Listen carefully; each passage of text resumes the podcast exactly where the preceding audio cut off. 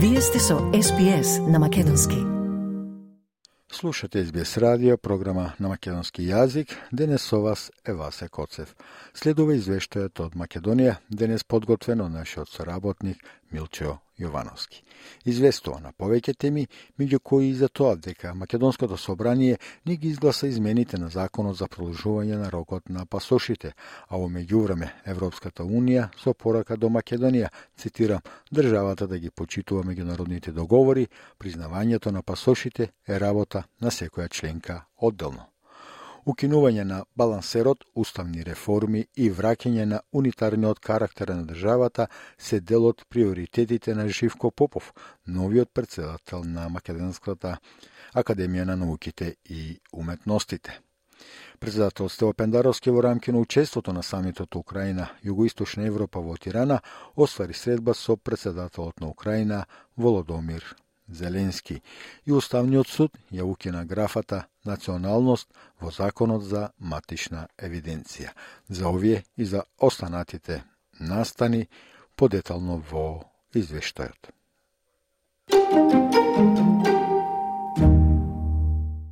Во собранието не поминаа измените на законот за патни исправи, кои беа предложени од пратениците на ВМРО ДПМН, а со кои се бараше продолжување на важноста на старите пасоши со Република Македонија до крајот на 2024 година. Граѓаните сепак ќе мора да ги заменат старите пасоши до нови, на кои ќе пишува Северна Македонија.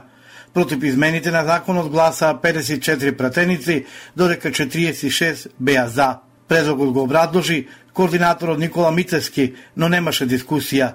Уште завчера од СДСМ кажаа дека нема да дадат поддршка со образложение дека тоа би било спротивно на Уставот со кој меѓународните договори, како што е преспанскиот, не може да се менуваат. Изговорот дека членот 118 се прекршува не видржи, затоа што веќе е прекршен со донесувањето на измените на Законот за безбедност по сообраќајот, а од друга страна, овој изговор нема никаква правна логика и писменост, рече од собраниската говорница, координаторот на претеничката група на ВМРО ДПМН Никола Мицевски и додаде. Ве уверувам со сигурност дека ќе следат тужби за надомест на штета против Република Македонија пред Европскиот суд за човекови права, а поради прекршување на уставното право на граѓаните и прекршување на човековите права според Европската конвенција за човекови права. На пресогласи пратеникот Драган Ковачки од истата партија. Нашиот предлог закон за измени и дополнување со кој баравме да се продолжи рокот на важење на пасошите издадени со име Република Македонија, а кои имаат важност, беше одбиен од тие што го создадоа проблемот. Одлепеноста од реалноста и несакањето да им се излезе во пресрет на собствените граѓани, кои ги изолираа од останатиот цивилизиран свет е невиден феномен, посебно имајќи во предвид дека сме членка на НАТО и сакаме да отпочнеме преговори со Европската Унија. Предходно поддршка на измените најавија пратениците од албанската опозиција. Пратеникот Изед Меджити од коалицијата вреди на пресрече. Бидејќи ова влада покажа дека не беа на ниво на задачата и ги остави голем број граѓани внатре во државата и надвор со големи проблеми без нивна вина и мислам секој решение, решение што оди во прилог и во интерес на граѓаните ние ќе придонесеме. Противно од Меджити, пратеникот Арбор Адеми од УИ пред новинарите изјави. Ако за ситни политички поени би гласале за.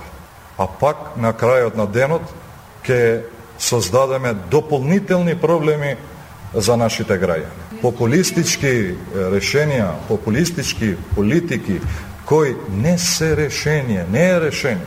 Барањето на ЛДП па со кое се бара да важат пасошите до истеко на рокот во кој има печат северна заглави на превод, иако се очекуваше вчера да се најде пред пратениците, најверојатно ќе ја чека следната пленарна седница. Додека во Македонскиот парламент пратениците меѓусебно се обвинуваат од делегацијата на ЕУ, вела дека секоја држава носи одлука како ќе постапува. Цитирам, Важно е Северна Македонија да продолжи да ги почитува меѓународните договори, вклучително и обврските поврзани со обновувањето на пасошите, содржани во договорот од Преспа. Подсетуваме дека признавањето на патните исправи, издадени од трети земји, е надлежност на земјата членка, велат од делегацијата на ЕУ во Скопје.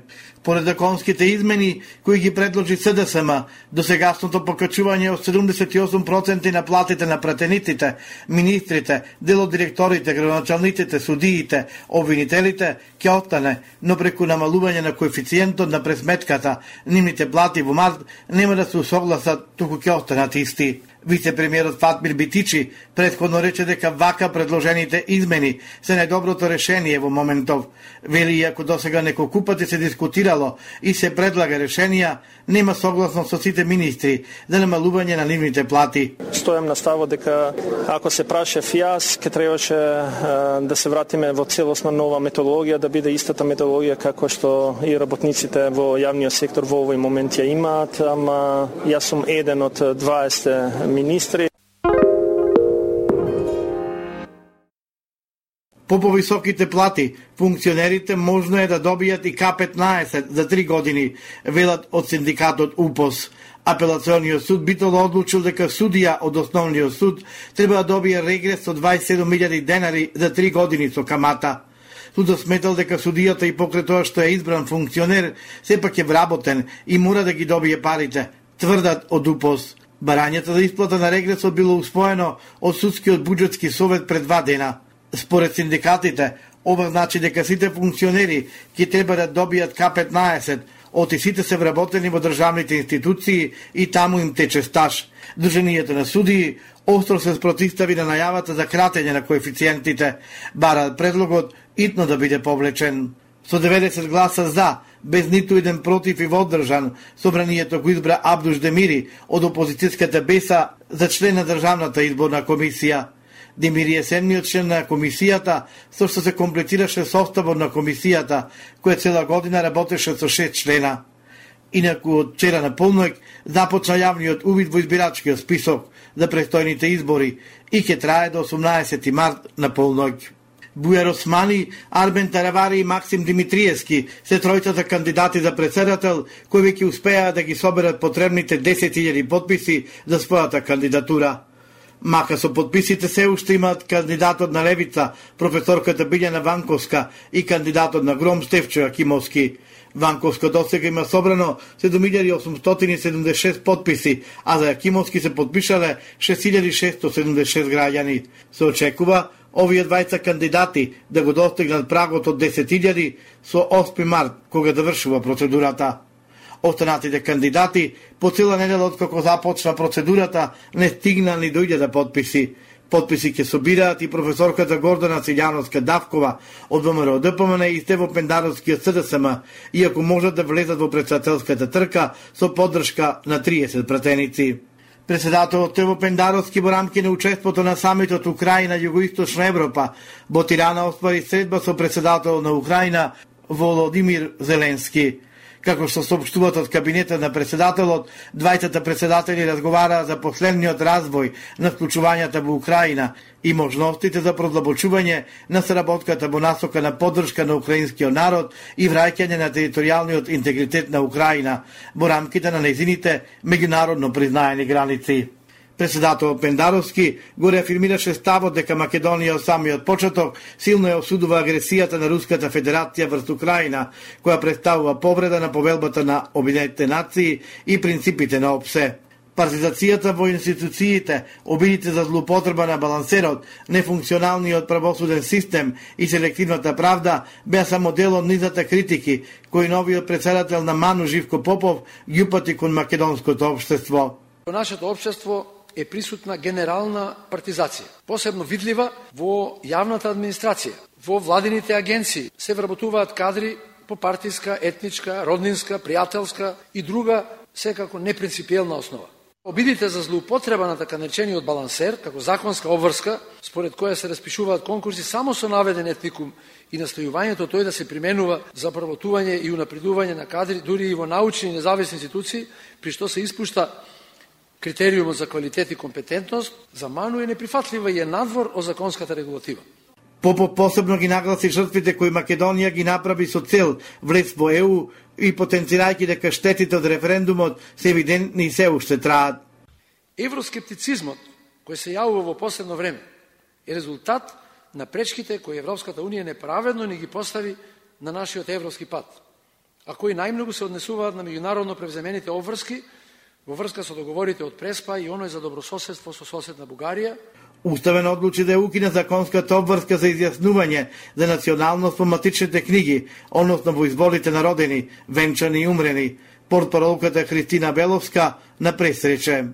Уставниот суд ја донесе одлуката, поаѓајќи од фактот дека станува збор за приватно и внатрешно чувство на човекот и никој не може да биде принуден тоа чувство јавно да го манифестира и уште повеќе да биде предмет на задолжително институционално администрирање во јавните исправи со оглед на тоа дека Уставот преку членот 18 ја гарантира тајноста и сигурноста на личните податоци.